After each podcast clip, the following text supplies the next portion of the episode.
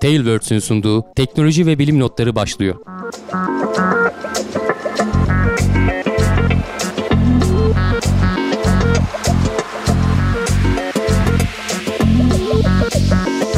Teknoseyir stüdyolarında sizler için hazırladığımız teknoloji ve bilim notlarına hoş geldiniz. Ben Can Akbulut, yanımda Hamdi Kellecioğlu ile beraber karşınızdayız. Hamdi abi, e, geçen hafta biraz kısa oldu dedik notlar. Bu hafta bayağı yoğun bir gündemle izleyicilerimizin karşısına çıktık. No- Normale gene döndü diyebiliriz Evet, bu hafta. evet. Geçen hafta da çok kısa olmamıştı. Yine 45 dakikayı bulmuşuz. E olsun o biraz da bizim gevezeliğimizin e, Evet. performansına bağlı. E, herhangi bir konuyu da 45 dakika anlatabiliriz. Af buyurun. E, yapacağın bir hatırlatma duyurumuz var mı? Yok. İşte Başlayabiliriz direkt. Doğrudan başlayalım. İlk haberimiz yine dünyanın yörüngesinden bize doğru bir tur atıp biliyorsunuz iyi takipçilerimiz. Ee, semanın derinliğine gidebildiğimiz kadar gidiyor. Ondan sonra vücudumuzun derinliğine düşüyoruz. Oradan da çıkıp sosyal mevzularla bitiriyoruz. Jeff Bezos e, Ay iniş modülü Blue Moon'u tanıtmış. İstikametimiz hafta- tekrar Ay. Geçen hafta söylemiştik yeni bir şeyler duyuracaklarını söylemişlerdi. E, muhtemelen de ayla ilgili yeni bir araç demiştik. Gerçekten de öyle çıktı. E, ismini de Blue Moon koymuşlar. E, biraz esprili bir isim. Hep onlar biliyorsunuz başına Blue koyuyorlar şeylerin, Evet, e, evet. araçların başına. Bu, sefer Ay'a güzel iniş- denk geldi. E, evet. E, Ay'a iniş modülü e, hani bir uzay aracı gibi değil. Bu daha doğrusu roketin içinde falan kapalı kalıp şu bizim Satürn 5'in en ucundaki şeyi hatırlarsan Hatta hatırlamaktan öte gösterirsem. içinde olmayabilir o şu anda. Onu ayırdı, ayrı Deme bir kenara koyduk da tabii. Tüh. O Hayal modül kırıklığı kısmı. doluymuş. Ama işte böyle kapalı bir ortamda gidiyor. En son modül kısmı Montajda da atamayacağız burayı hay Allah. Neyse. yüzeye inecek şekilde e, olan kısım. Aha. E, şu an NASA aslında böyle bir şey tasarlıyordu. Onların biliyorsun hani Ay'a gitme planları var. Gerçi herkesin Ay'a gitme planları var. Benim bile var Her şahsen. hafta anlatıyoruz. Evet. Ayağı ne kadar yere basıyor Plan, orası önemli. planlamakta şey yok. Bedava zaten. Öyle. Ee, Jeff Bezos buraya yönelik bir hizmet düşünüyor aslında benim anladığım kadarıyla. Hatta NASA muhtemelen kendi planlarını hiç yapmayacak. Kendi aracını muhtemelen yapmayacaklar. Ee, bu ticari özel firmaların araçlarını kullanacaklar. İşte ilk buraya yönelik e, planlarını açıklayan, tasarımlarını gösteren hatta işte Jeff Bezos tanıtımını yaparken gerçek büyüklükteki bir maketin önünde e, şeyleri anlattı. E, tanıtımını yaptı. 6,5 ton e, artırılmış versiyonuyla normalde 3,5 ton falan yük taşıyabilecek. E, kendi üzerindeki o üst alanı da müsait. Oraya başka şeyler de e, Port bagaj var diyorsun, affedersin. Evet astronotları taşıyabilecek e, başka bir kapsül de koyulabilir deniyor. E, üzerinde taşıdığı yükleri işte bir vinç yardımıyla yere indirebiliyor falan. E, zaten biz konuşurken ekrana animasyonu da gi- girecektir. Çok da fazla bir ayrıntı yok. Ee, Bununla birlikte aletin üzerindeki bir tane yeni bir tasarım motoru da tanıttılar. O da henüz daha ortalarda yok ama işte tasarımları falan hazır. İlk ateşleme testlerini önümüzdeki aylarda falan yapacağız diyorlar. oyunun renginin ne kadar değiştiğine bakar mısın? Bir zaman milli seferberlik, e, uluslararası e, güç yarışıyken artık tamamen reklam, e, kapitalizmin renklendirmesiyle birbiriyle e, yarışan ticari kurumların Evet işine yani e, Amerika bu konuda başa çekiyor. Özel sektör anlamında özellikle. Yani devlet kurumları olarak baktığın zaman rakipleri var tabii ki. İşte Rusya'sı, Çin'i, Hindistan'ı, Japonya'sı, Avrupa'sı hep rakip ama özel sektör olarak baktığın zaman diğerlerinden de ufak ufak girişimler var. Çin'in mesela özel firması var, fırlatma firması. Japonya'nın var ama hiçbiri Amerika'daki firmaların büyüklüklerine ve şu anki başarılarına erişebilecek konumda değiller. Odaklanma meselesi biraz da. Orada Evet. çok daha rahat Yani aslında gelişme ufak ufak geleceğe yönelik e, bir şeyin vardı. e, adımları atılıyor. Yani e, görüyoruz e, önümüzde kuruluyor. Yani bir uçak endüstrisi gibi düşün. İşte bir Boeing, bir Airbus var. İşte burada da gene iki firma var. Birbirleriyle tabii sürekli itişme halindeler. E tabi. Bir yandan işin turizm boyutu var. İşte Jeff Bezos hem oraya bakıyor hem de işte bir yandan gerçek görevlere bakıyorlar. Blue Origin firması. E, bu konuda bayağı il- ilerleme olacak. Yatırımcıların dikkatini çekecektir. Şimdi bunlar ilk e, adımlar oldukları için hala daha karlılıkları veya işte bir heves yapılıp geçilecek mi bunlar sorgulanıyor. Elbette ki insanlığın çok büyük hayali, çok büyük e, rağbet tahayyül ediliyor ama e, gerçekte verilen sözler ne kadar tutulur, ne kadar insan veya yan etkileri potansiyel ne olur hala daha bilmiyoruz. Çünkü Tabii. artık eğitimli astronotlar değil, halktan insanların uzay e, havası almasından e, bahsediliyor. Dolayısıyla e, karlılık görüldüğü zaman artık bunun bayrağı milliyeti yok. E, para olan yerde Tabii Herkes şey gelecektir. yapacaktır. Ama ilk tabii ilk etapta bu, bu firmaların asıl alıcısı nasıl olacak gibi görünüyor şu an için. evet Ee, tamam Muhakkak. bir yandan dediğim gibi yan tarafta turizm falan işleri de yapıyorlar işte. nasıl ki uçak havacılık çok böyle ekstremdi 1920'lerde. Tabii. Ee, sonrasında işte bir şeyler değişti, gelişti. Sivil havacılık. Bak şimdi kimler uçak yapabiliyor, kimlerin uçak şirketi var. Evet. yani havayolu şirketi dünyada çok ekstrem bir şey olmaktan çıktı. Buna doğru gidiyoruz galiba. Biz bunları söylerken tabii işin e, resmi boyutu hala daha ağırlığını sürdürüyor içinde bulunduğumuz çağda. NASA masaya da yatırdığımız üzere e, en büyük oyunculardan. E tabii o en ağır ortağı da yine Sovyetler. Daha doğrusu Sovyet demeyeyim de Ruslar, Ruslar, Sovyetlerin Sovyetler kalmadı. kalıntısı. Ee, Ee, uzay istasyonu ile alakalı polemik yakın zamana kadar tartıştık. Tartışa geldik. Ee, Soyuz modülüyle gidip geliyorlar ee, hali hazırda astronotlar uzay istasyonuna ve kozmonotlar ve işte diğerleri Ee, her ne isimle anılıyorlarsa onların taşınması için diğer e, insan taşıyabilen modüller yetişmedi. Soyuz'a muhtaç kaldı Amerika. E, birinin kaynağı Rusya, birinin e, müşterisi Amerika. Arada bir tatlı bir gerginlik de varken küresel ölçekte. Yani Amerika uzunca bir zamandır zaten bu bağımlılığından kurtulmak istiyor. Hatta bu yılın sonunda artık bitecek diyorlardı. Biz hatta Evet. şey konuşmuştuk. Evet. Ruslara işte ciddi bir gelirinden olacaklar, ne yapacaklar falan diye ama e, SpaceX'in ve Boeing'in tasarımları o kadar beklenildiği kadar hızlı yetişmedi. E, Crew Dragon ilk insansız denemesini gayet başarılı yaptı ama e, daha öncekinde insanlı denemesinde bir türlü geçemediler. Hani yaz aylarında falan belki yapılması planlanıyordu. Belki orada da bir gecikme olabilir. Çünkü bir yerdeki işte o ateşleme denemesinde bir patladı geçtiğimiz günlerde haftalarda Evet, evet. konuştuk. Daha önce paraşüt testlerinde başarısız durumlar olmuştu. Hatta geçenlerde tekrar gündeme geldi. O paraşütler istedikleri gibi açılmıyorlar. İnsan taşıyacağı için de ekstra önemli oluyor tabii yere biraz sert çarpması. Ee, bunlar hala çözülebilmiş değil. Muhtemelen önümüzdeki yılın belki ilk yarısına falan kayacak. Uzay görevleri istasyona insan taşımak da çok böyle takvimi esnetilebilen işler değil. Tabii. E, Çünkü yapılan görevin de nevi itibariyle e, risk analizi çok Rusların titizce yapılıyor. Soyuz roketi de gayet başarılı. Yıllardır düzgün bir şekilde çalışan işte son 10 yıla yakındır neredeyse Amerikan astronotları da onlar taşıyorlar. İki tane koltuk daha satın almış. Önümüzdeki e, 2020 yılının e, ilk 6 ayında falan hani görevleri idare edecek kadar bütün seneyi almamışlar. Hani 4 koltuk falan alıp geçmemişler. 2 koltuk almışlar. Buradan hani biraz aslında öteki görevlerin belki önümüzdeki yıla falan yetişebileceklerini düşünebiliriz.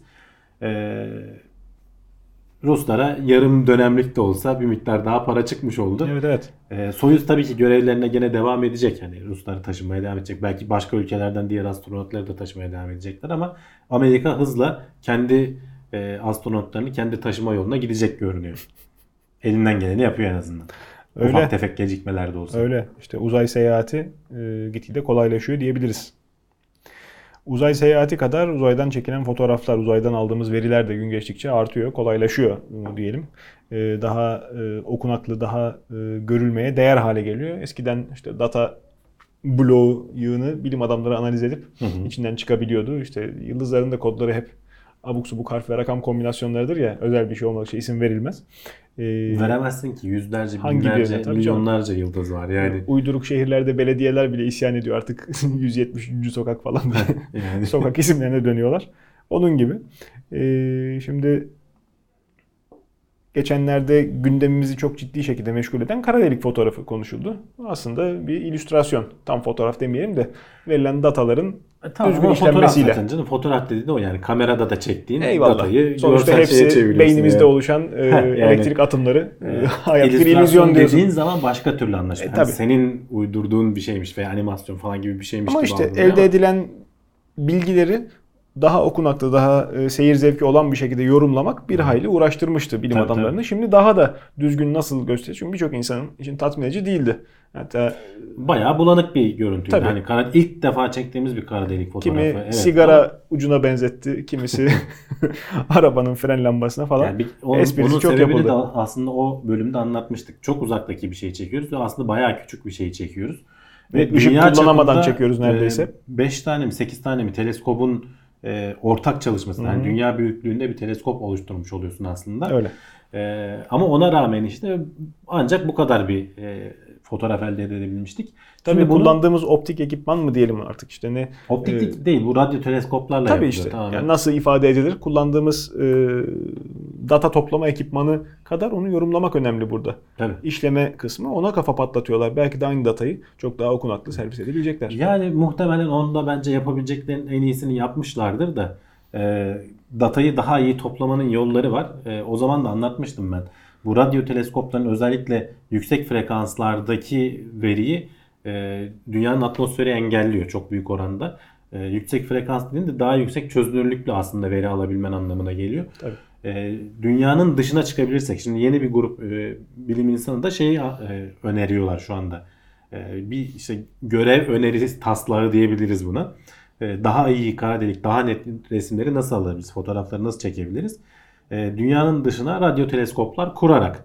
E, tabii burada çözülmesi gereken çok ciddi sorunlar var. Çünkü bu teleskopların aynı anda çalışabilmeleri için, için çok hassas e, atom saatleri falan kullanılıyor. Çünkü tam senkronizasyonunu tutturman tabii. lazım ki sonradan işlerken ortaya doğru düzgün bir veri çıkarabilesin.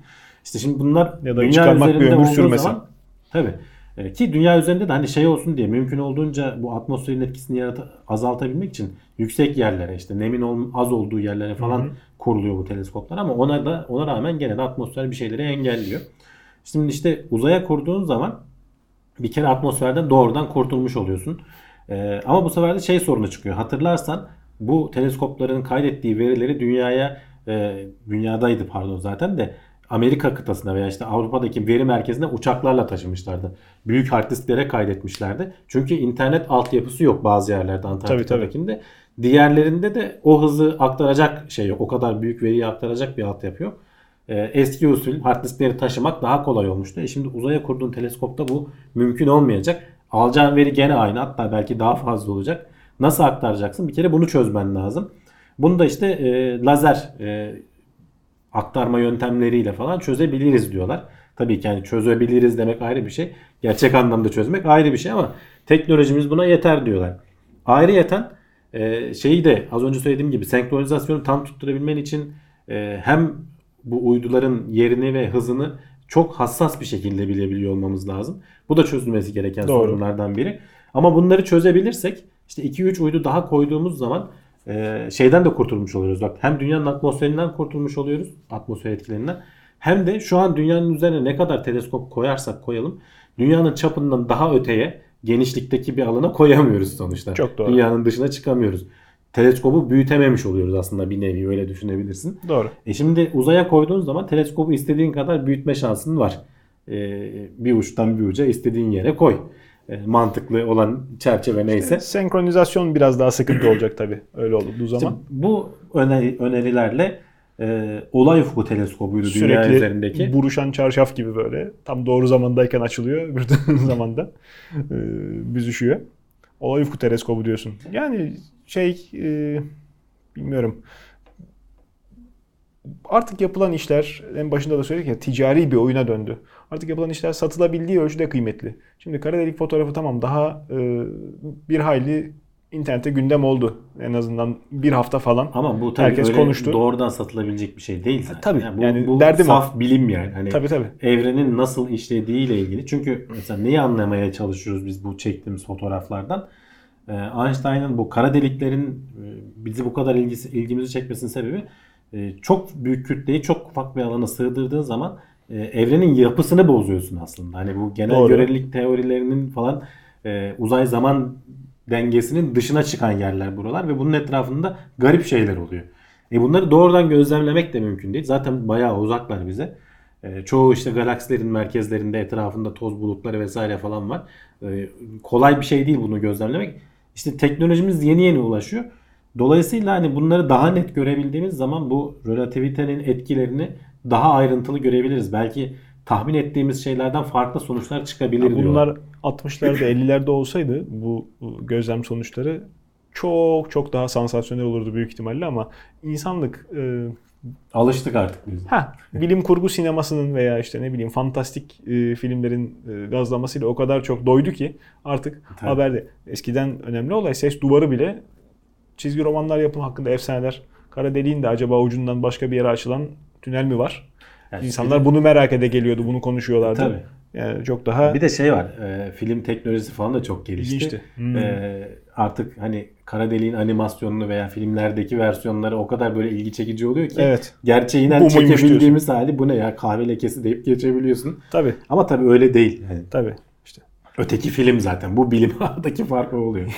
Ama aymazlığın da tabii güzel bir örneği oluyor. Çamur atmak kolay bir şeylere. Yıldızlar arası seyahatten bahsediyoruz. Kim bilir belki fotoğrafını çekemeyeceğiz ama e, bazı insanlar gidip yakınında gözlemleyecekler. Belki gördükleri son şey olacak. İnsanlar yok canım insanların daha gitmesine bayağı zaman var. İşte canım ona gidene kadar e, öncü bir şey e, ne diyelim sonda mı diyelim? Sonda diyebilirsin, uydu diyebilirsin, araç diyebilirsin. Eninde sonunda sonda. İsmi de güzel. Starship. Türkçesine yıldız gemisi diyelim mi?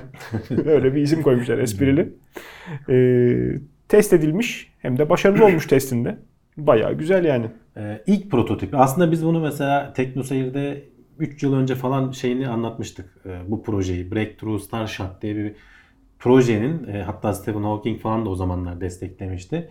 Ee, doğurduğu şeylerden biri aslında bu. O, bu, o proje yani o e, görev buna da fon sağlıyor öyle söyleyeyim. Bir grup bilim adamı e, uzaklara şeyi göndermeyi planlıyorlar. İşte bize en yakın yıldız 4 ışık yılı ötede.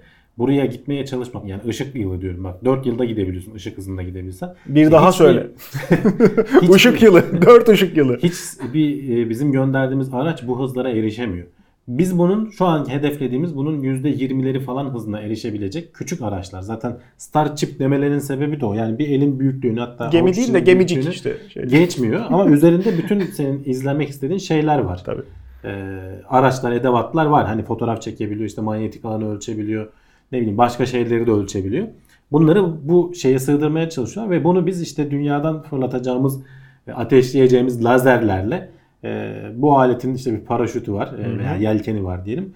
Işık hızının %20'sine kadar hızlandırabiliyoruz ve dolayısıyla işte 4 ışık yılı ötedeki yere 20 yılda falan gitmesini sağlayabiliyoruz. Hani 1000 yılda, 10 bin yılda değil de 20 yıl gibi nispeten Daha kısa bir kabul zamanda. edilebilir bir süre. Tabii yani bizim işte şöyle düşün.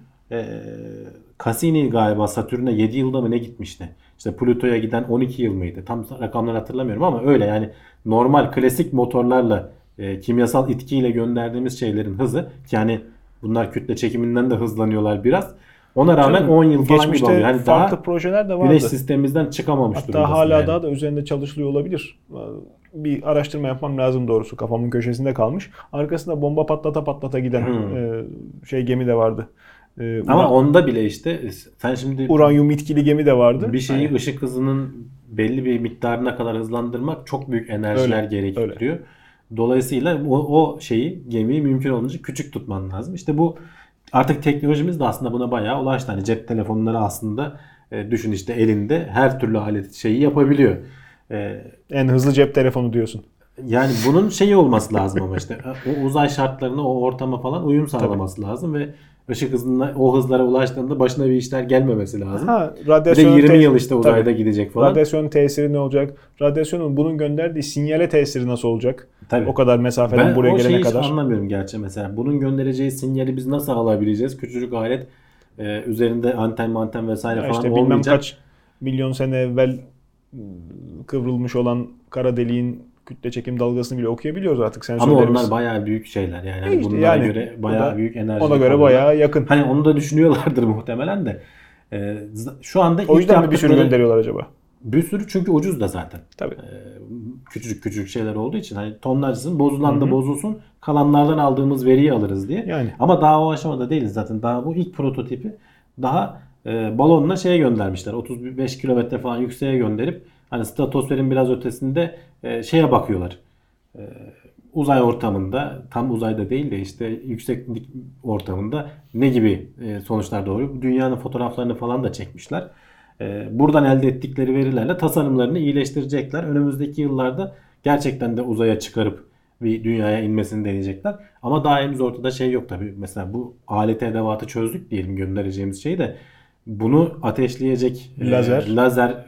Dizisi çünkü tek bir lazer yetmiyor. Bir sürü lazeri tek bir yere odaklaman lazım ve onun enerjisini sağlayabilmen için muhtemelen yanına nükleer reaktör falan kurman gerekecek. Biz Yani Türkler severiz bu işleri aslında. El birliğiyle hepimiz birden lazer sıksak. işte yok. O, o, Pilotun gözüne yani, sıkar gibi. yetmiyor.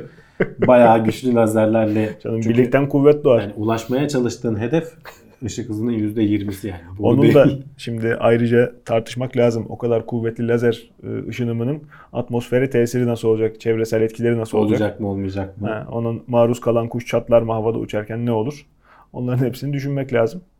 Proje kağıt üzerinde çok güzel. İşte demin biz lazerle aktarırız yeryüzüne verileri demek gibi. Bu ama şunu da Hesaba söyleyeyim. katılmayan Ee, işler sadece şey benziyor. için kullanmak zorunda değiliz. Hani illa 4 ışık yılı ötedeki yıldıza göndermemiz gerekmiyor. Elbette tabii. Kendi güneş sistemimizdeki şeyleri de çok hızlı bir şekilde bununla. Tabii. Bunu ve ucuz bir şekilde. Tabii tabii. Hani şimdi bir görev yapacağız dediğimiz zaman işte o Enceladus uydusunda mesela işte canlılık var mı yok mu veya işte fırlatılan o şeyler su buharı mı değil mi falan onları anlayabilmek için şimdi görev tasarlıyorsun. O tasarladığın görev 10 yıl tasarlaması, üretmesi sürüyor. Sonra bir 10 yıl gitmesi sürüyor. Ama işte bu Bunlardan topluca üretip belki bütün şeye salabiliriz yani. uzay çöpü diyorsun. Ya bu e, Bunlar sonuçta çok küçük ya. Bunlar Heh, çöp sayılacak şeyler değil. aşırı yani. aşırı küçük olan uydunun üzerindeki uyduruk sensör. Uydu ve uyduruk da ne güzel oldu. E, uydusal sensör ne kadar işe yarar ki? E, gönderdiğimiz diğer e, tam teşekküllü uydunun e, yerini tutar. Tabii o da tabii ayrı. onun yerini Hani tutmaz muhtemelen de. O kadar uzak mesafeden hani bir pul getirse kardır diye bakıyoruz da şimdi zaten gidip gördüğümüz yere de bunu harcamak Ama zaten gidip Başka gördüğün yere de olur. kolay gidemiyorsun işte. Mesela bununla belki Yani. öncü görevler yaparsın. En gitmek Olabilir istediğin tabii. yere do- doğru hedefi doğru yere seçebilirsin. Olabilir tabii. Gün geçtikçe teknoloji de ilerliyor. Tabii e, küçük hacme sığdırabildiğimiz e, işlemci kapasitesi, sensör kapasitesi teknikte artıyor. Evet. O da önemli. E, Bir diğer önemli e, teknolojik ilerleme internet süratlerinde olacak e, önümüzdeki yıllarda. Bundan e, bahsedip duruyoruz. Çok ciddi rekabet var çünkü.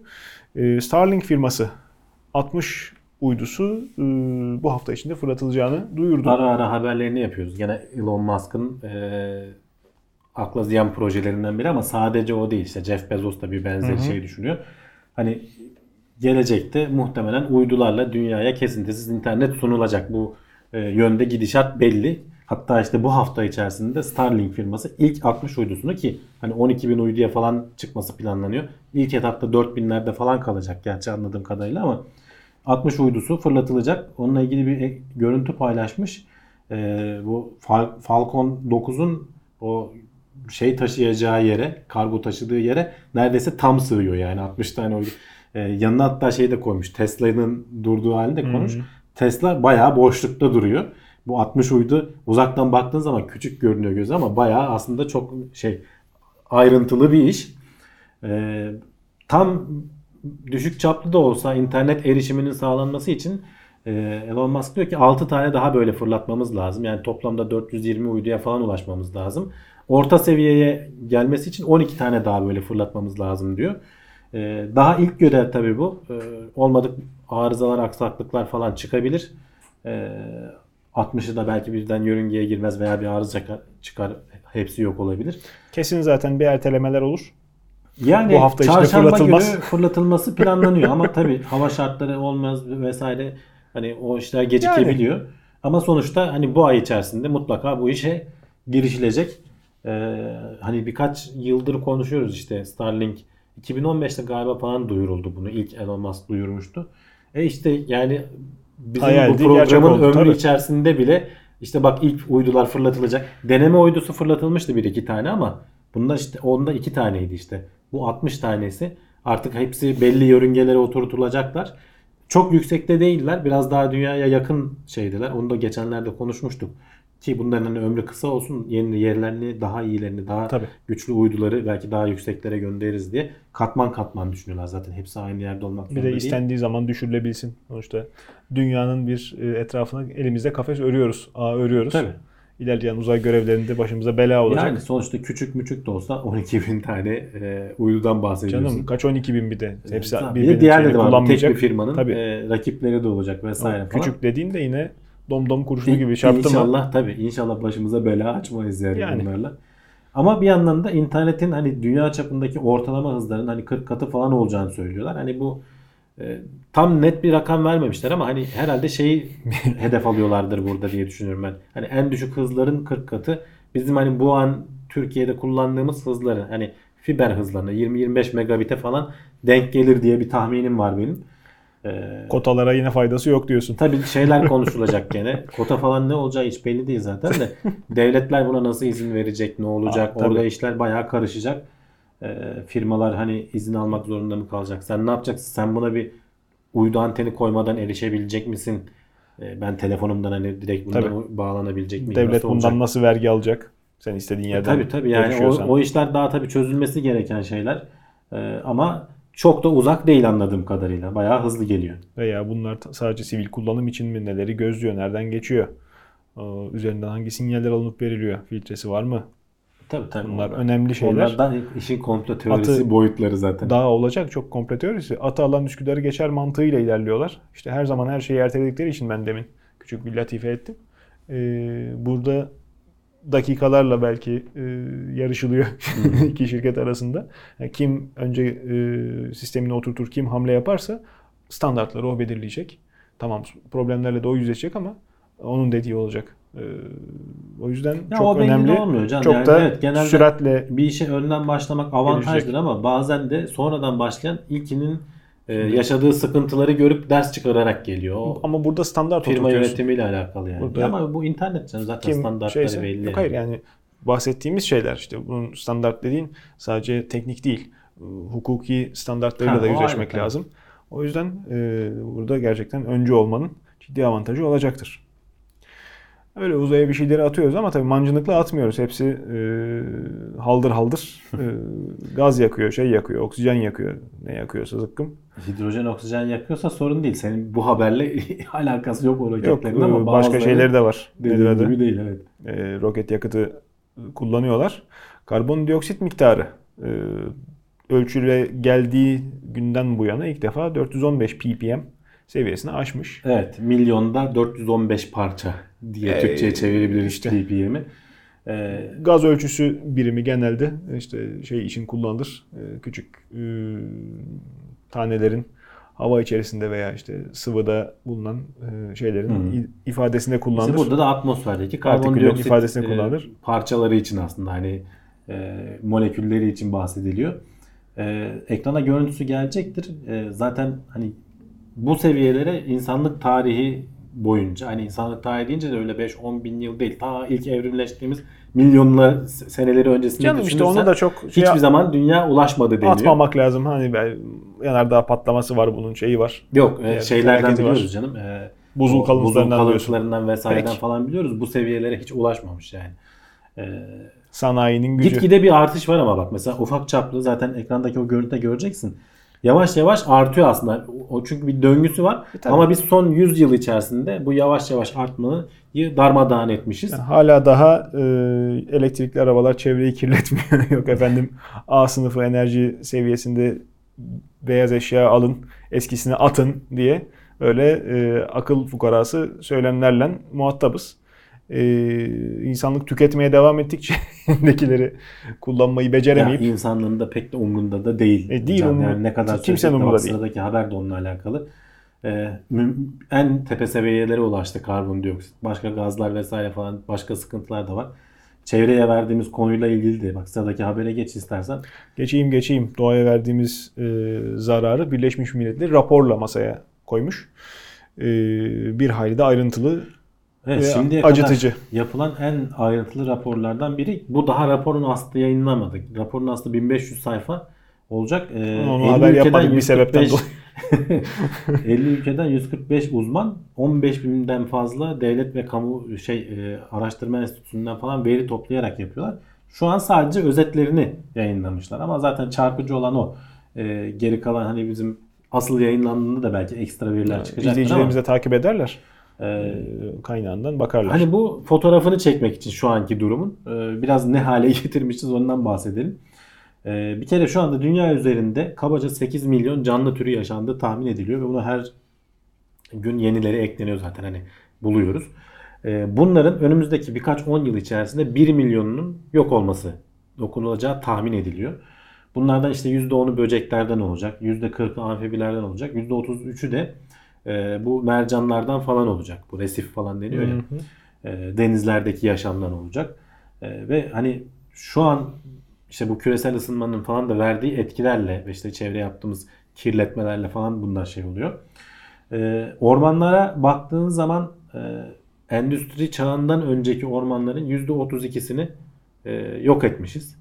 Ve büyük oranda bu yok etmemizin amacı da yani son 200 yılda diyebiliriz 200-250 yılda amacı da tarımsal e, alan açmak için Evet. kullanılmış. E, Avrupa inşaatsal Amerika kıtasında Bizdeki yansımasıyla. yani tabii bizdekiler deve de kulak kalıyor can. Yani E, dünyayı e, deve sayarsan Amerika'da Türkiye zaten hani bu, kulak kadar. e, şey e, tropik ormanların olduğu yerdeki şeye baktığın zaman Maalesef. e, son şeyde e, 1980 ile 2000 arasında 100 milyon hektarlık alanın e, yok edildiği, işte Afrika'da da çok kıyım yapılmış. bu sığır ticareti için çok Tabii. alan açıldı. Tabii. E, bu 100 milyon hektarın büyüklüğünü düşündüğünüz zaman şeye denk geliyor. Venezuela'dan daha büyük. Hani haritada bir baksınlar. Hı hı. E, bayağı Venezuela küçük bir ülke değil. Oradan daha büyük bir orman alanı yok edilmiş. Aynı şekilde e, Güney Asya tarafında da 7,5 milyon hektarlık alan bu palmiye yağı e, üretimi için yok edilmiş. Evet. Şimdi ormanlık alanın şeyi şu. Sadece atmosferdeki karbondioksit falan değil. Veya İçinde bir sürü değil. hayvan şeyi taşıyor. Canlılık hı. taşıyor. Onlar için yuva çünkü.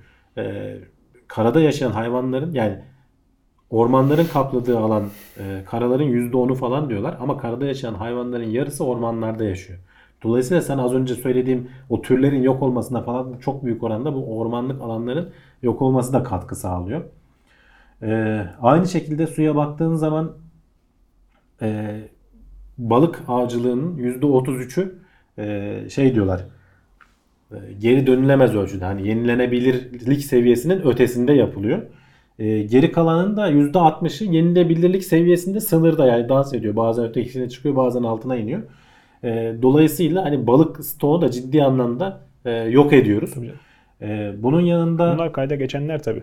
Tabii tabii. Net ölçüm değil. Balıkçılık en yani gene ama kayıt. sonuçta en iyi şekilde şey yani e, sıkı yapabildiğimiz tahminler. Tabii, tabii. Yani onu da hatırlatayım. Şimdi ormanın şeyin e, çetelesini tutmak kolay ama balık avcılığı yani gerçekten takibi çok zor. Şeyler Standartları zor. da çok şuradan avcılığı takip etmek değil de sonradan bulunan balıkları mesela ne kadar balık çıkıyor falan vesaire istatistiklerini tutmak yani dolaylı kolay yani. yoldan diyorsun. Ama Ee, ne işte kadar- bizde Tirol diye bilinen sistemi hala daha kullanıyorlar. Tabii tabii. Ee, işte Japonlar e, kafaları bozuldu mu çıkıyorlar. Ee, Balina avlıyorlar. Greenpeace'çilerle beraber balina avlıyorlar. Sarıp dürüm yapıyorlar falan yani. Ee, sadece okyanuslar da değil. Okyanusların bu arada %55'i e, yüzey alanını düşün. %55'i e, endüstriyel balıkçılık için kullanılıyor deniyor. Sadece okyanuslar da değil. e, sulak alanlar. Hani işte böyle bataklıklar falan vesaire işte göller falan da düşünürsen e, %85 1700'lü yıllardan beri %85'i yok olmuş. Bu alanlar da özellikle canlılık için çok önemli alanlardan biri. E, bu Adına ıslah diyoruz ya. e, resifler Bataklığı e, ıslah etmek. Evet. E, resifler yani şehri kuracaksan ister istemez tabii ıslah edeceksin. adı yani ıslah olunca zaten tabii. sırada o da gelecek. Evet. E, az önce söylediğim resiflerin falan da 1870'li yıllardan beri %50'si falan yok edilmiş. E, bunun dışında aşırı kullandığımız tarımsal işte ilaçlar, e, gübreler, en- endüstriyel atıklar falan e, okyanusların kı- kıyılara yakın olan bölgelerinde de ciddi bazı yerlerde hani zehirlenmeden dolayı ölümlere falan neden oluyor. Bizde de bazen haber olurlar. Bazı yerlerde de aşırı besinden dolayı öyle garip yosun türleri çıkıyor ki ortamdaki oksijeni yok ediyor. Eyvallah, Canlılığı gene öldürüyor. Ee, toprak kullanımının da gezegenin %75'ini kullanıyoruz toprak olarak. E, ve bunun %33'ü şey e, tarımsal alan, olarak kullanılıyor.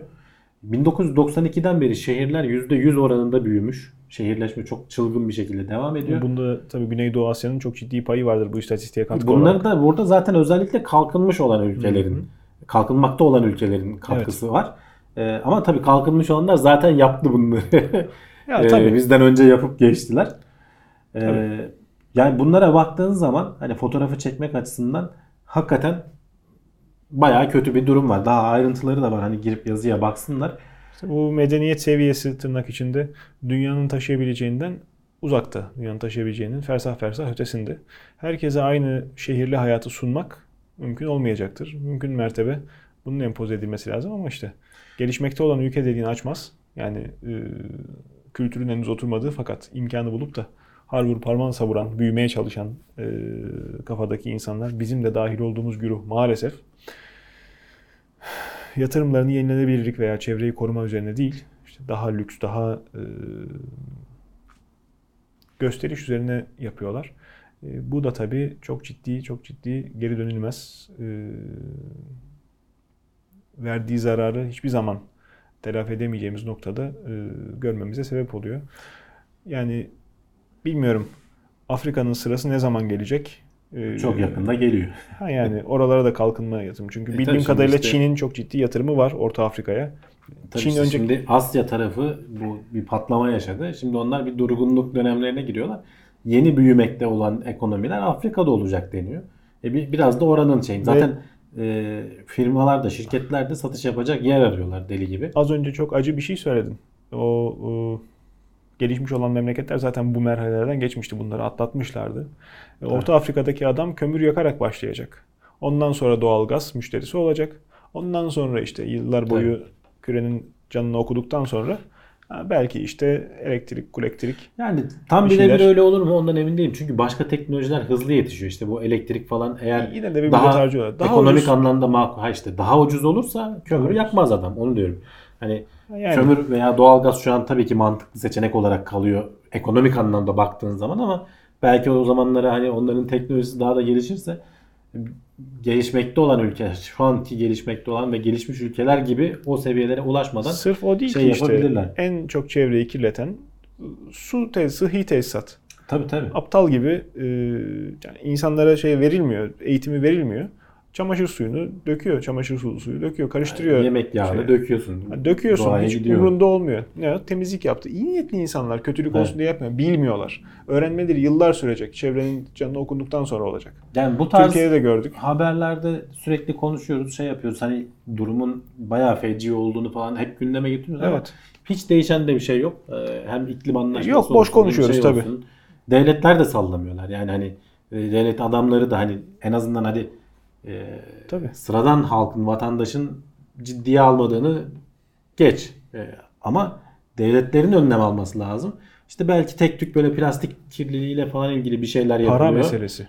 Ee, Yani sonucu tabii, yani itibariyle sonunda oraya bağlanıyor. Ee, yani. şu anda hala daha gelişmiş devletler ağzından bakarsak e, bunlar müşteri bunlara e, silah satılacak, malzeme satılacak, işte bir şeyler satılacak, Evet. yakacak satılacak. Enerji satılacak. Bunları kullanacaklar.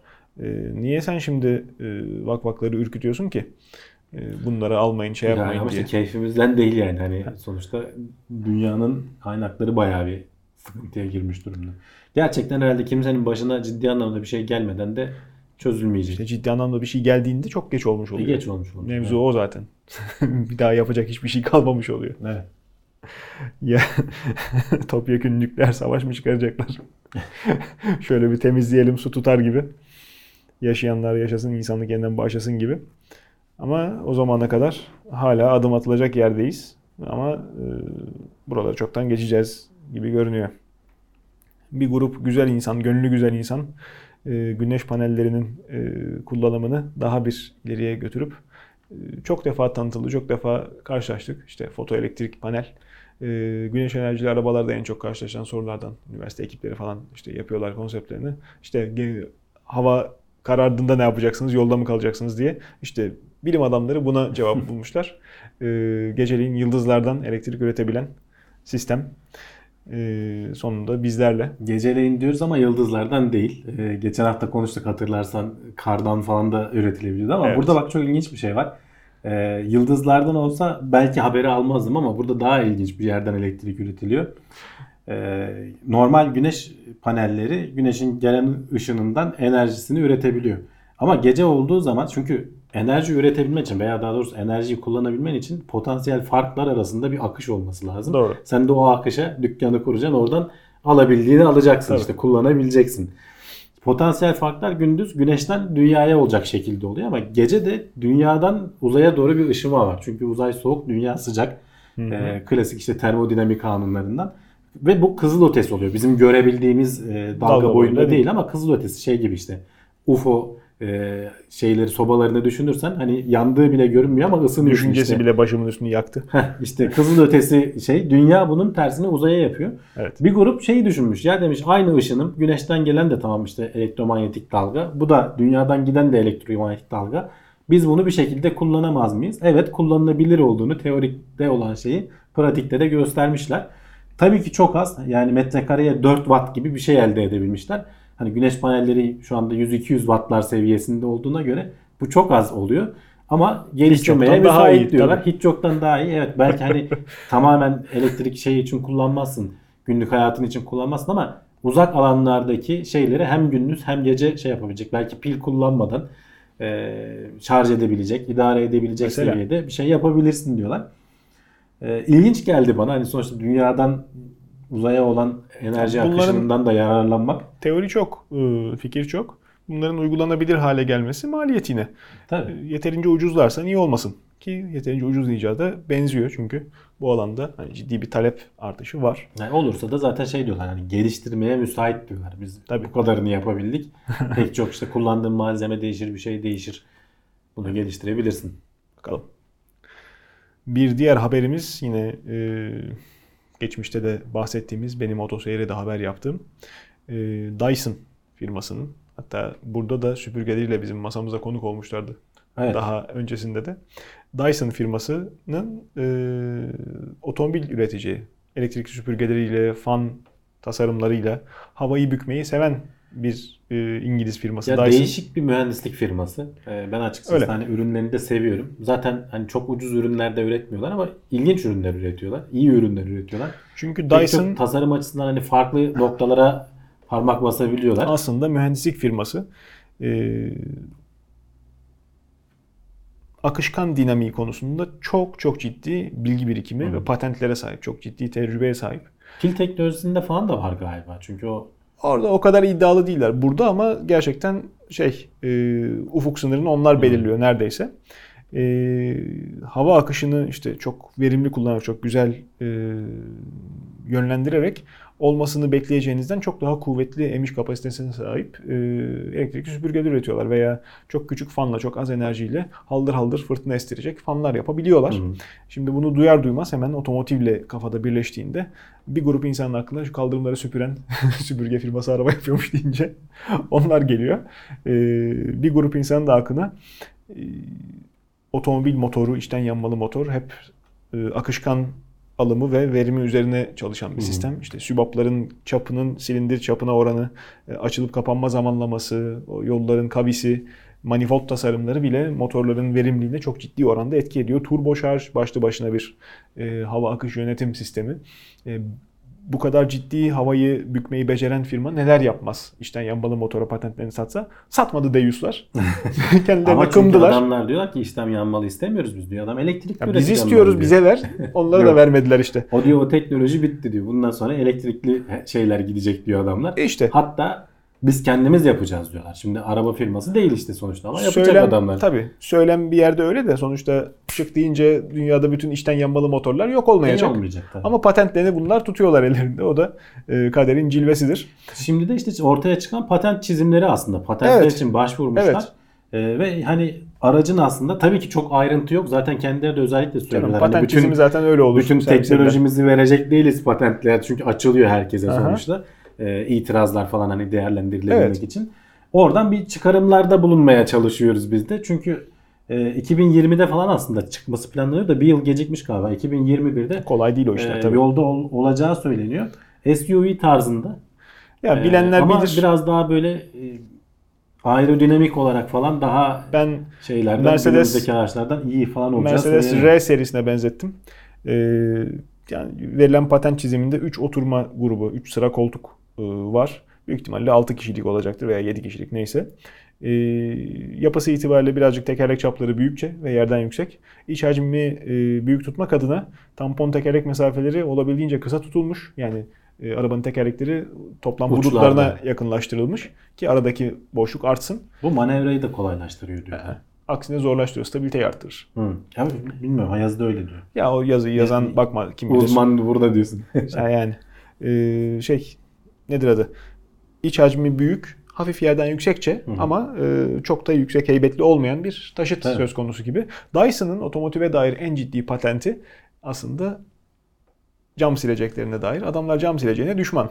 Tıpkı konvansiyonel pervane fanına düşman oldukları gibi kafaya takmış ama tabii kimse almak istememiş. Kimseye satmamışlar veya e, Pahalı dolayısıyla olmuştur. Ha, Yani öteki bu- yeterince iş görüyor çünkü. Şimdi yani. Tesla'nın yeni Roadster'ın e, o kazulet sileceğini gören arkadaşlar çok ciddi bir prestij farkı atacağını şimdiden Ya sonuçta bu söyleyebilirim. da mesela şey olmayacak. Dyson'ın bütün ürünleri pahalıdır. Tabii canım. Premiumdur yani çünkü hani kaliteli ürün standartındadır. Ee, pek de ucuzlatmazlar. İngiliz bu araba da muhtemelen öyle olacak. Hakikaten İngiliz malı olup kolay bozulmayan ender şeylerden biri Dyson Evet, evet. ürünleri. Ee, yani ama hedefledikleri kitle mesela özellikle Asya mesela Singapur'da üretip e, Çin falan pazarını düşünüyorlar. evet o da bir şey. Ee, Yani İngiliz Çünkü orada büyük oranda satış olacağını düşünüyorlar. İngiliz bunların. kimliğine çok ciddi zarar verecek şeylerden bir tanesi. Çünkü yani baktığın zaman İngiltere'nin kendine has firmaları ya Çinlilerin ya Hintlilerin elinde. Hı. e, fena. Müşterileri de Arap çoğunlukla o yüzden o milliyetçiliklerini e, üzerine basa basa Zaten vurguluyorlar burada yani. da. İngiltere'de üretmeyip niye orada üretiyorsun? Ama sonuçta e, ticari olarak orası mantıklıysa e, orada üretirsin. Oraya satarsın. Öyle öyle. Yani dünyada hep işte otomobilin neredeyse kutsallaştığı e, şey örnek Ferrari'dir. İtalyanlar için Ferrari çok ciddi şey, hatta dedikoduları gezer işte. Onlar istesen de sana arabayı satmaz. Müşterilerine teklif gönderirler. Alırsa alır. Veya LPG bağlamaya kalkarsan gelir Geri alırlar alırlar gibi. Ama o yaşandı ya gerçi. Canım işte yani ne kadar gerçek ne kadar değil başka da e, Ferrari hep işte çok özel üretimleriyle şeyleriyle Enzo Ferrari'nin tutuculuğuyla bilinir. Adamlar Ejder serisi çıkarttılar. Hı. Yani E, para tatlı at, tabii. tabii, yani. attan başka hiçbir şey yaklaştırmayan arabanın üstüne koydu kertenkeleyi MSI gibi. neymiş efendim Dragon'muş bilmem neymiş Çinli müşteriye araba satacak. Bakıyorsun işte şöyle V12 motor yapıyoruz. Emme manifoldunun boyunu devir aralığına göre değiştiriyoruz. Gelen havanın debisi ona göre ayarlanıyor diye akustik hesabı yapan firma tuttu şimdi bütün motorlarını 3.9 litre yaptı. Niye? Eski motorları daha verimli, daha güzel çalışıyordu. Turbo 3.9 litre. Çin'deki vergi 4 litreden yukarısına Hı. fahiş artıyor. E, yani Tamamen Çin için. Pazar orada, para orada. yapacak bir şey yok ona. Evet. Özellikle bu örneğini veriyorum. Yani en tutucu, en şey, en yobaz firma otomotivde İtalyan milli futbol takımı kadar değerlidir. İtalyanlar için Ferrari. Yolda gördükleri zaman selam veriyorlarmış falan gidip gören arkadaşlar anlatıyorlar. Valla ben bu şeye dönersek, Dyson'a dönersek hevesle bekliyorum açıkçası. Merak bu da öyle bir şey yani. olacak işte. Yani İngilizlerin medarı iftihar olacak. Ee, en ben de şimdiden patent çizimini daha e, detayı yok ama e, çok büyük ihtimalle sileceksiz olacağını söyleyebilirim. Yüksek basınçlı Hmm. hava jetleriyle camının temizleneceğini ki çizimde de kocaman bir e, ön cam alanından e, dikkat Evet, ederseniz varlığını görebilirsiniz. Büyük ihtimalle o öyle temizlenecek. Hani bir iki sürprizi daha olacaktır ama güzel e, ince düşünülmüş bir araba olacağı benziyor. Bir de belki e, arabanın üzerinde hızlı devirde dönen elektrikli araba olduğu için içten yanma parçası yok. E, tekerlek jant tasarımında sürpriz görebiliriz. Hı. Benim bir de beklentim o. Yani bu e, otomobil haberleri zenginin malının züğürdün çenesini yorması değil. Bu gibi durumlarda ki geçmişte benim Tesla ile e, konuşulduğu zaman işte Tesla şöyle ilerici böyle ilerici canımı sıkan Tesla'ya sanki muhalif e, düşmanmışım gibi tavır almamın e, sebebi olarak duran şey de yenilik getirmiyor olmasıydı. Hı. Yani tamam yeni bir araba ama yeni değil. E, altındaki teknolojiler Teknoloji olarak. teknik altyapısı şey yok tabii. diyorsun. Sürüş bileşenleri Mercedes'ten. Motor desen zaten şey elektrik motoru. E, pil algoritmasında, pil şarj deşarj algoritmasında hani bir zahmet o kadar özgünlüğü olsun. E, bu arabanın üstünde bir sürü güzel teknoloji göreceğiz ve kullanıma çıktıktan sonra yayılacağına inandığım teknikler. Diğerleri tarafından da, diğer firmalar tarafından da taklit edilebilecek, öğrenilebilecek Çok da uzun bir zamanda yok görebileceğiz. Evet. O yüzden benim için heyecan verici bir haberdi. Biz bunları saya duralım. Sıradaki haberimiz bizdekine benzer, insan zihnindekine benzer sayı kavramı olabilen bir yapay zekanın zuhur ettiği yönünde. Bunu özellikle kullandım zuhur etti diye. Ee, Benden çünkü daha aslında- eski kelime kullanmak Yok için. Türkçe karşılığı gerçekten öyle. Emergent properties deniyor İngilizce'de. Hadi bakalım. ortaya çıkan yani kendi kendine beliren özellikler. Şimdi bu yapay zekanın e, türleri var. E, bir tanesine sen e, verileri sınıflandırıyorsun. Ee, işte bu kedi resimlerini ayırıyorsun, köpek resimlerini ayırıyorsun, masa resimlerini ayırıyorsun. Sonra ona yüklüyorsun. Buna Yapay zeka gözetimli- değil o genç kız oldu ya. Hayır ama işte köpek onu eğitiyorsun ee, o şeylerle. Ee, buna gözetimli öğretme deniyor. Ee, o öğrendikten sonra senin verdiğin resimleri doğru güzelce sınıflandırabiliyor. Bayağı Evet. %99 hassasiyetlere falan ulaşılıyor. Kediyle köpeği ayırt ediyor. Tabii kediyi, köpeği veya işte başka aletleri. Sen ne kadar ama sen önceden veriyi sınır sınıflandırman lazım burada. Bir de gözetimli olmayan öğretme var, öğrenme var. Orada sen veriyi boca ediyorsun yapay zekanın üstüne. Yani Allah ne verdiyse yığıyorsun buna. O onlar içerisinden kendi kendine mantıklı bir şeyler çıkarmayı kendi kendine öğreniyor. Bu daha zor ve daha uzun sürüyor ve senin istediğin sonuçlar da çıkmayabiliyor. Ama senin görmediğin e, sınıflandırmalara da gidebiliyor. E, sonuçta hani orada bir örüntü keşfedebiliyorsa kendi kendine. Evet. Ve bu yapay zeka yani insan beynindeki o nöronların tasarımından falan etkilendiği için e, buradaki ilginç şey olan şu e, bizim insan olarak veya işte bazı hayvanlardan da gözleniliyor. Soyut kavramlar mesela sayı kavramı soyuttur. Mesela 4 nedir ki? Yani 4 bir şeyden 4 tane olabilir ama sen 4 dediğin zaman kafanda bir şey canlanıyor. Ne bileyim 4 tane kediyle 4 tane elma yan yana koyduğumuz zaman sen bunların sayısından dolayı benzer olduklarını anlayabiliyorsun, algılayabiliyorsun. Ee, yoksa 4 kediyle 4 elma aslında alakasız şeyler. Şimdi normal yapay zekalar bunları Düşünmesi çok zor. iletişim kuramıyor. Ha, kendi kafanda sayı bunu canlandırmak çok zor. Yok işte bu emergent properties dediğimizde bunlar aslında resim tanımlama yapay zekası yapmışlar. Ama şeyi keşfediyorlar. e, farklı resimler arasında sayıları algılayabilir. Kendi kendine gene işte böyle gözlemlemeden e, gelişmeye bırakmışlar.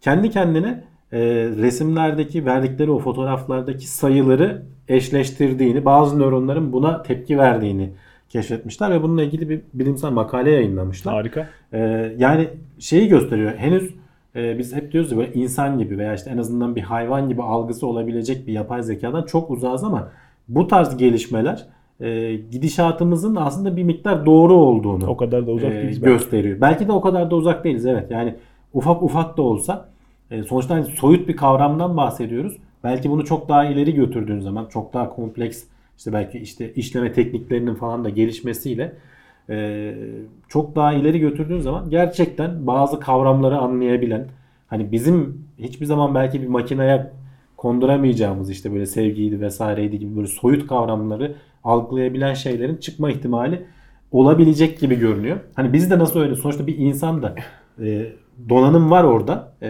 nöronlar var. Ama o nöronların birbirleriyle iletişim kurması lazım. Nasıl oluyor da? Sen bebeklikten başlıyorsun. Sürekli bilgiye maruz kalıyorsun. Tabii. E, bazen hem e, denetimli şey oluyor. Öğretme oluyor. Annen sana gösteriyor işte öğretmenin sana gösteriyor. Bak evladım 1 diyor, 2 diyor, 3 diyor. E, saymayı öğretiyor. Bak 2'den sonra 3 gelir falan diye. Bazen de denetimsiz. Sen kendin onlar arasından ilişki çıkarıyorsun. Ve bu işte sürekli senin yıllar içerisinde beyninin gelişmesini sağlıyor. İşte sen bunu aynısını e, bu derin öğrenme teknikleriyle yapay zekaya falan da uygularsan beklemediğin, senin planlamadığın şekilde bazı özellikler zuhur edebiliyor. Türkçe karşılığıyla. yani. E, yani bu tarz gelişmeler açıkçası beni Geçen hafta mı heyecanlandırıyor. konuştuk? Önceki hafta mı? Yapay zekalara hak verilmesi konusunda. Ha, tabii hayvan hakları en Yavaştan- verilebilir diye. Yavaştan o e, konular ciddiyetini arttıracağına Yani şöyle gerçekten. düşüneceğim. 2010'lu 2012 yıllarda bunlardan hiç bahsedilmiyordu. Tamam yani yapay zeka yeni bir kavram değil. Ta 80'ler 90'lardan beri belki daha Tabii öncesinden gelen şeyler ama e, işleme kabiliyetimiz o kadar arttı ki şu son zamanlarda. E, zaten o yüzden patlama yaşanıyor. E, ama çok hızlı ilerledik. Yani bu fotoğraflarda falan şey bile çok zordu. Bir, bir dönem düşünsene fotoğraf makinesini tuttuğun zaman o yüzü algılayıp oraya kare Oo, oturtmak tabii. baş- başlı başına bir problemdi. Şimdi leblebi çekirdek bile değil. Yani Tabii. o kadar rahat yapıyor ki Anlık. makineler bunu. Tabii. E, veya işte anlık hareket eden bir görüntüde işte insanları ayırt etmek, işte arabaları ayırt etmek, hemen işte onlara göre uzun dönemli belki takiplerini yapmak falan. Canım uzun Yani dönem bunlar- takibi onu yaparak e, yol bulan şey var. Otonom sürüş Ha var. işte otonom sürüş bayağı işte Tesla'nın şeyi e, otopilotu Saatte bilmem kaç kilometreyle o veriyi işleyip, anlık işleyip yürütebiliyor. Yani çok hızlı ilerliyor hakikaten. Belki de bu işte e, günün bir gün gelecek şey konuşacağız. Hani e, aşık olan yapay zeka diye konuşacağız. E, hakikaten şaşırtıcı şeyler. Genç kızı elektrik çarptı. bizi yapay bir- zeka da olsa yapay kromu. Elektrik alamadım diyorsun. Yapay zonta yapacağız diyorsun en sonunda. Ya aslında şeyi düşündüğün zaman olmaması olmaması için bir sebep yok. Hakikaten beynimizdeki nöronların işleyişiyle bu yapay zeka dediğimiz şeylerdeki nöronların işleyişi çok benziyor. Zaten oradan mesnet alınarak tasarlanmış şeyler. Sadece sanal ortamda hani doğrudan nöronun kendisi yok da e, yazılımsal olarak sen onu üretiyorsun. E, bilmiyorum yani olmaması için bir sebep yok gibi geliyor bana. Belki fazla iyimserim ama Bakalım belki. bazı işte şeylerde e, ortaya çıkıyor sonuçta. Yapay zekaya nikah düşer mi falan. Sorulacak. Vallahi sorulacak. Sorulmaması gerekiyor. Nihat Hatipoğlu yaşarsa bir 10 yıl sonra belki böyle şeyler sorulacak ona. Ya da yapay hocam. Sentezlenmiş Hatipoğlu şey. Alıyor soruları. Olabilir, gözlemleyebiliriz böyle şeyleri. Bakalım. Ee, ara ara sizlere e, tıp dünyasından ilgi çekici haberler derlemeye çalışıyoruz. Ee, hakikaten bu sefer e, tedavi yöntemlerinde vardığımız ufku e, tekrar düşündürtecek bir haber e, karşımızda, bir not karşımızda. Ölmekte olan bir genci bakteri yiyen virüslerle kurtarmış doktorlar. Evet. E, bakteri yiyen dediğimiz zaman tabii hani böyle onu kapsayan gibi düşünüyor ama aslında bakterileri enfekte eden Patlayan, patlatan veya Evet, tabii. içine girip patlatıyorlar eninde sonunda. Çünkü virüsler çok çok daha küçük tabii bakterilere göre. Bu aslında bilinmeyen bir şey değil. Bakteriyofaj deniyor buna. Tabii 1800'lerde falan keşfedilmiş bu virüsler. Hatta doğu toplumlarında işte Polonya'da, Rusya'da falan bu yönde daha fazla araştırma var. Batı ülkeleri pek bu alana girmemişler. Bunlar antibiyotik üzerinden ilerliyorlar. Ama antibiyotiklerin hep konuşuyoruz. Sınırlarına geliyoruz günümüzde. Tamam yenileri de keşfediliyor falan ama bu bakteriyofajlar doğrusunu bulman gerekiyor çünkü. Mikrobu mikroba kırdırıyorsun. Evet. e, ama her bakteriye, her virüs olmuyor Tabii işte. olmuyor. E, ha- hani her virüs bizi de hasta etmediği gibi her bakteriyi de hasta etmiyor. Orada böyle bir anahtar kilit uyumu falan gibi o yüzeydeki o proteinleri falan tutması gerekiyor. Doğru şeyi bulman lazım. E, buradaki ilk olan şey aslında genetiği değiştirilmiş bir bakteriyofaj kullanılmış olması. Bunlara faj deniyor kısaca ben de öyle diyeyim bundan sonra. Virüs de ya ne güzel. Ya virüs ama her virüs değil işte bakteriye saldıran virüs olması Canım, lazım. normal virüsün- nezle virüsü bu etkiyi Normal virüs yani. de faj. Normal virüsün Tabii işte. karşılığı faj. Bakteriyofaj. Bakteriye Tabii şey tabii yapan işte virüs. işte Tebelleş kısa, olan virüs. kısa olarak söyleniyor Tamam zaten. eyvallah. Ee, burada e, 17 yaşında bir hasta var. Ee, çocukluğundan beri aslında genetik bir hastalığı var. Kistik e, fibrozis diye. Bundan dolayı e, antibiyotiklere falan dirençli bir e, bakteri yerleşmiş ciğerlerine, e, karaciğerine falan da. Artık hani hayatta kalma olasılığı %1'e düşmüş. Yıllarca bununla boğuşmuş falan. En son 17 yaşında hatta organ nakli falan da olmuş. Ciğer e, nakli falan Böyle yapmışlar ama fantastik bir tedavi denemek için de zaten ancak değil. böyle Yani bir artık şey en gerekiyor. son e, aşamaya gelmişler. E, Bir ümit. Kızın annesi aslında bir ümit araştırmaları sonucunda ya şunu bir denesek diye artık hani e, onlar da e, her türlü şeyi doktor olup çıkmışlardır eminim yani yıllardır bu işlerle uğraştıkları Maalesef için. öyle oluyor tabii. Ee, Amerika'da bir merkez var. Ee, 15 binden fazla bu virüslerden örnekleri var ellerinde.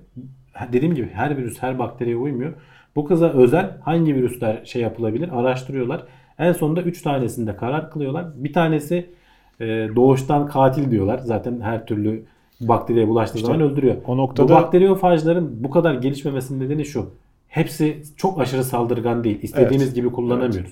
Hem her bakteriye olmuyor hem de bulaştıktan sonra mesela uyku moduna geçip e, kafasına göre takılanlar oluyormuş. İnsanın geri kalanına da bulaşmaması lazım. O da lazım Huyu tabii. itibariyle. E, zaten genelde bulaşmıyorlar ama işte senin istediğin gibi bulaşıp da etki etmeleri de olmuyormuş. Evet. Bakterinin içine girip yerleşip uyku moduna geçiyormuş.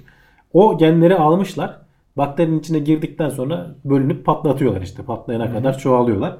Ve e, gerçekten de e, şeyler temizlenmiş.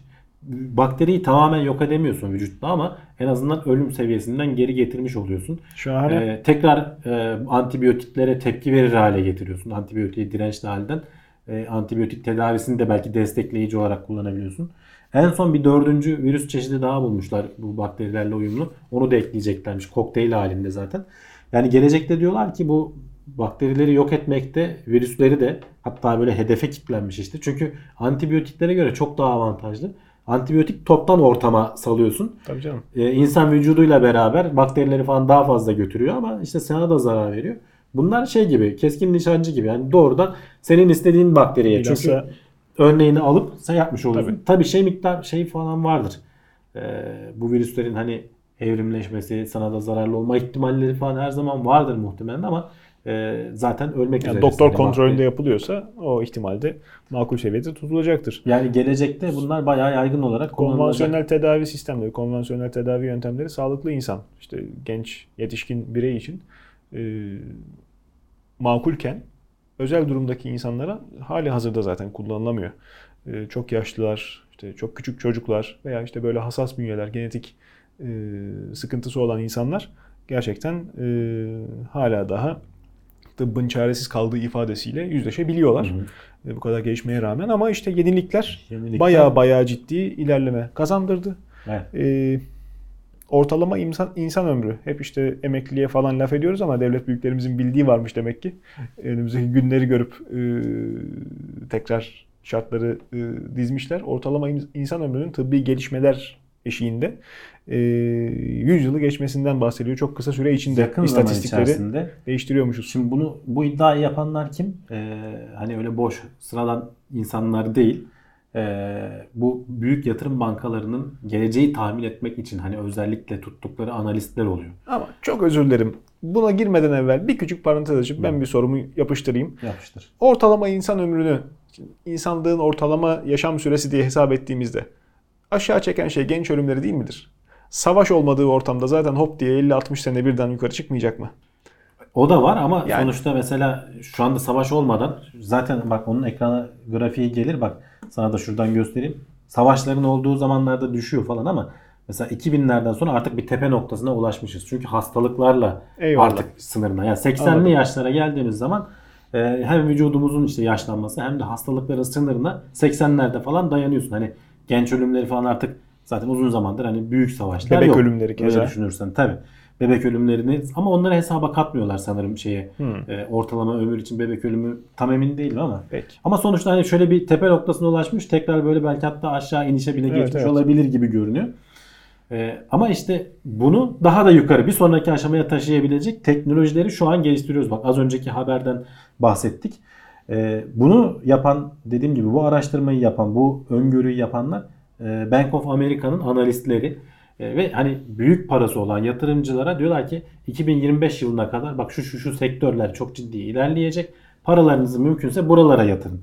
E, orada da bak şöyle ilginç bir istatistik veriyorlar. E, dur bakayım onu bulabilirsem şurada. Diyorlar ki e, 2010 yılında tıp bilgimiz 3,5 yılda bir e, ikiye katlanıyordu. 2020 yılında bu 73 günde bire inecek diyorlar. Yani şu an aslında geldik 2020'ye. Evet, düşünürsen. evet. 73 günde bir tıp bilgimiz ikiye katlandığını iddia ediyorlar. Tabi bu nasıl bir istatistik bilmiyorum ama sonuçta onların yalancısıyım. 2003 yılında yılına göre şu anki gen diziliminin masrafı %99.99 oranında düşmüş durumda. Yani çok ucuzlamış durumda 2003 yılına göre. Yani e, 15 yıl içerisinde gen dizilimlerini ölçmek. E, Bunun gibi işte zaten bu tarz istatistiklere bakarak ve sektörün gidişatına bakarak işte az önce bizim yaptığımız o bakteriyofaş haberine falan gibi bunlardan değerlendirerek bu analistler çıkıyor ve 2025 yılında nelerin hangi sektörlerin ön plana çıkacağını bu sektörlerin tabi hepsi insan sağlığını aslında ileriye taşıyan hani 100 yıl rakamı da oradan çıkıyor. Ne var? Bir kere genetik araştırmalar var. Ee, big data ve yapay zeka var. Hani bazen konuşuyoruz. Hastanın komadaki hastanın ne zaman ölebileceğini sana önceden söylüyor aldığın o datalarla. Tabii tabii. Bunları işleyebilecek hale yeni yeni geldik işte. Şimdi bir sürü firma var burada deli gibi yatırım yapıp biz buradan bir şey çıkarabiliriz. Veya taktığımız şu saatler işte Apple'ın saati falan sürekli Bu data tutuyor. ama. Seninki değil. evet. Sürekli senin hakkında data tutuyor. Tamam bunların gizliliği vesaire falan ayrı bir problem ama sana getirdiği çok ciddi avantajlar da var. Hani bazı haberlerde çıkıyor. Apple Watch işte uyarı veriyor. Bak kalp Kimin atışları, ritimleri önemli. düzgün Tabii, çalışmıyor. Bir tabii. hastaneye git diye. Kalp krizi geçirmeden gitmiş oluyorsun. Bunları bir ileri seviyeye taşıdığını düşünsen. Ee, onun dışında ara ara gene biz konuşuyoruz. Gelecekteki yiyeceklerimiz e, gitgide daha fazla mühendislik ürünü haline gelmeye başladı. Artık tarımdan çıktı. E, tamam vardı bir ziraat mühendisliği ama onlar eski usuldü. Bayağı bildiğin high teknoloji, yüksek teknoloji mühendisliği haline geliyor. Hayvancılığı da tepe takla Ha, ettirecek yani gelişme. hayvancılık eşikte. diye bir şey değil. Etçilik olacak belki. O çünkü Belki. eti doğrudan üretir hale geliyorsun. Evet. Ve onun sen içindeki bütün malzemelerini hani vücuda zararlı faydalı falan istediğin gibi belki kontrol edebilir hale geleceksin. Ee, Moonshot Medicine demişler. Çok böyle artık insanlığın çözmekte zorlandı. İşte Parkinson, Alzheimer, işte bu az önce söylediğim kistik fibrozis gibi hastalıklara çözüm arayan sektörler ciddi anlamda yatırım alacak. Bir de immortality değil çünkü ölümsüzlüğü önermiyorlar ama yeni bir terim uydurmuşlar. Immortality diye geçiyor. Yani e, İskoçyalı. ölümsüzlüğe yakın yani. Ha, yani 100 yıl işte 100 yıl üstünü şey bu tarz bu sektördeki firmalarda e, ciddi yatırım alacak. Toplamda da hani bu sektörün 2025 yılında bu bu saydıklarımın hepsinin 650 milyar dolardan fazla büyüklüğe erişmesi falan tahmin ediliyor. Vay Yani yatırımcılara da diyorlar ki buralara yatırın. Hani bu sektörleri şimdiden şey yapın ki hani bak şeylerde tanıdığımız firma isim isimlerini de vermişler. Ee, bu yapay zeka, big data'da falan hani hep Amazon, Google, Apple bunlar geçiyor. Yani bu firmalar zaten şu anda devasa firmalar. canım. Ee, Future Food dediğimiz o geleceğin yiyecekleri falan firmalarında bir sürü hem büyükleri var hem küçük yeni girişimler var. Ee, yani bilmiyorum bana olmayacak gibi gelmiyor. Belki hani 2025 olmasın, 2035 olsun. Ee, Olmayacak gibi gelen neler oldu? Hala daha işte bu konuda e, bir şeyleri söylerken aman olmaz falan diye ahkam kesenlere ben hayretle bakıyorum. Hayır ben bazen kendi kendime düşünüyorum. Lan acaba fazla mı iyimser gidiyorum bu konularda hani gaza mı geliyoruz diye düşünüyorum ama Ya elinde tuttuğun, son 10 yıla bakıyorum yani yani ya- yaşadığımız şu ilerlemeyi falan düşünüyorum da. elinde tuttuğun şeye bir idrak et. Tablet. Tabii. 20 sene önce sana söyleseler ne derdin? Ya bırak bu işleri. Telefon, Uzay tablet, yolunda tabii, görüyorsun. Hadi oradan diyorsun. Var işte oldu. Çalışıyor kullanıyoruz. Veya işte şeyler Eskidi bile.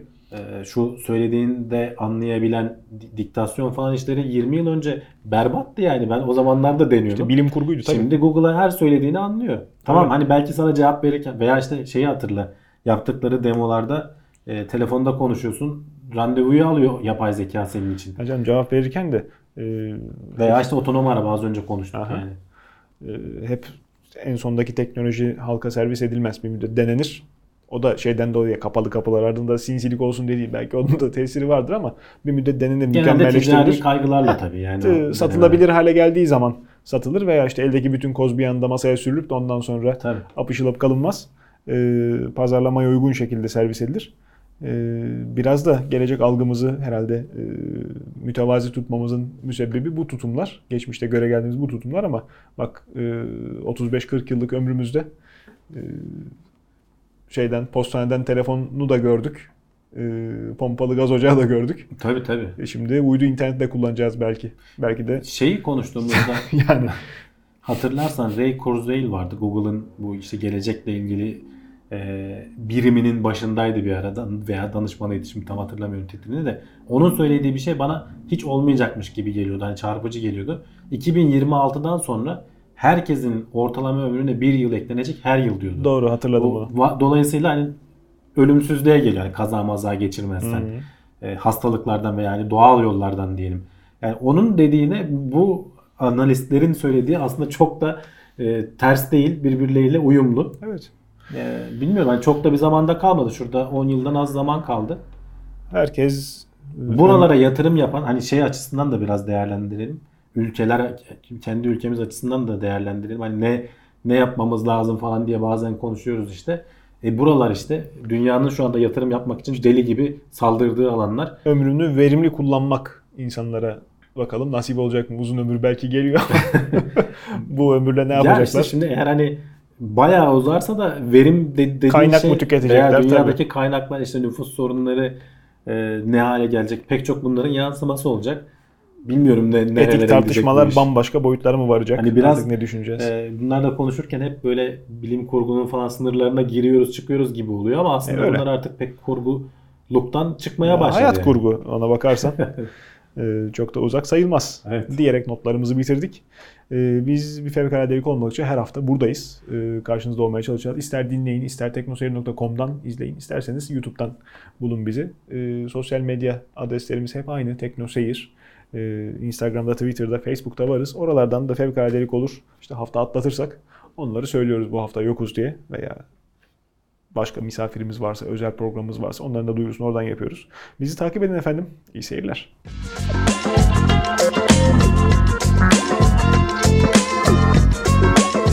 Tailwords teknoloji ve bilim notlarını sundu.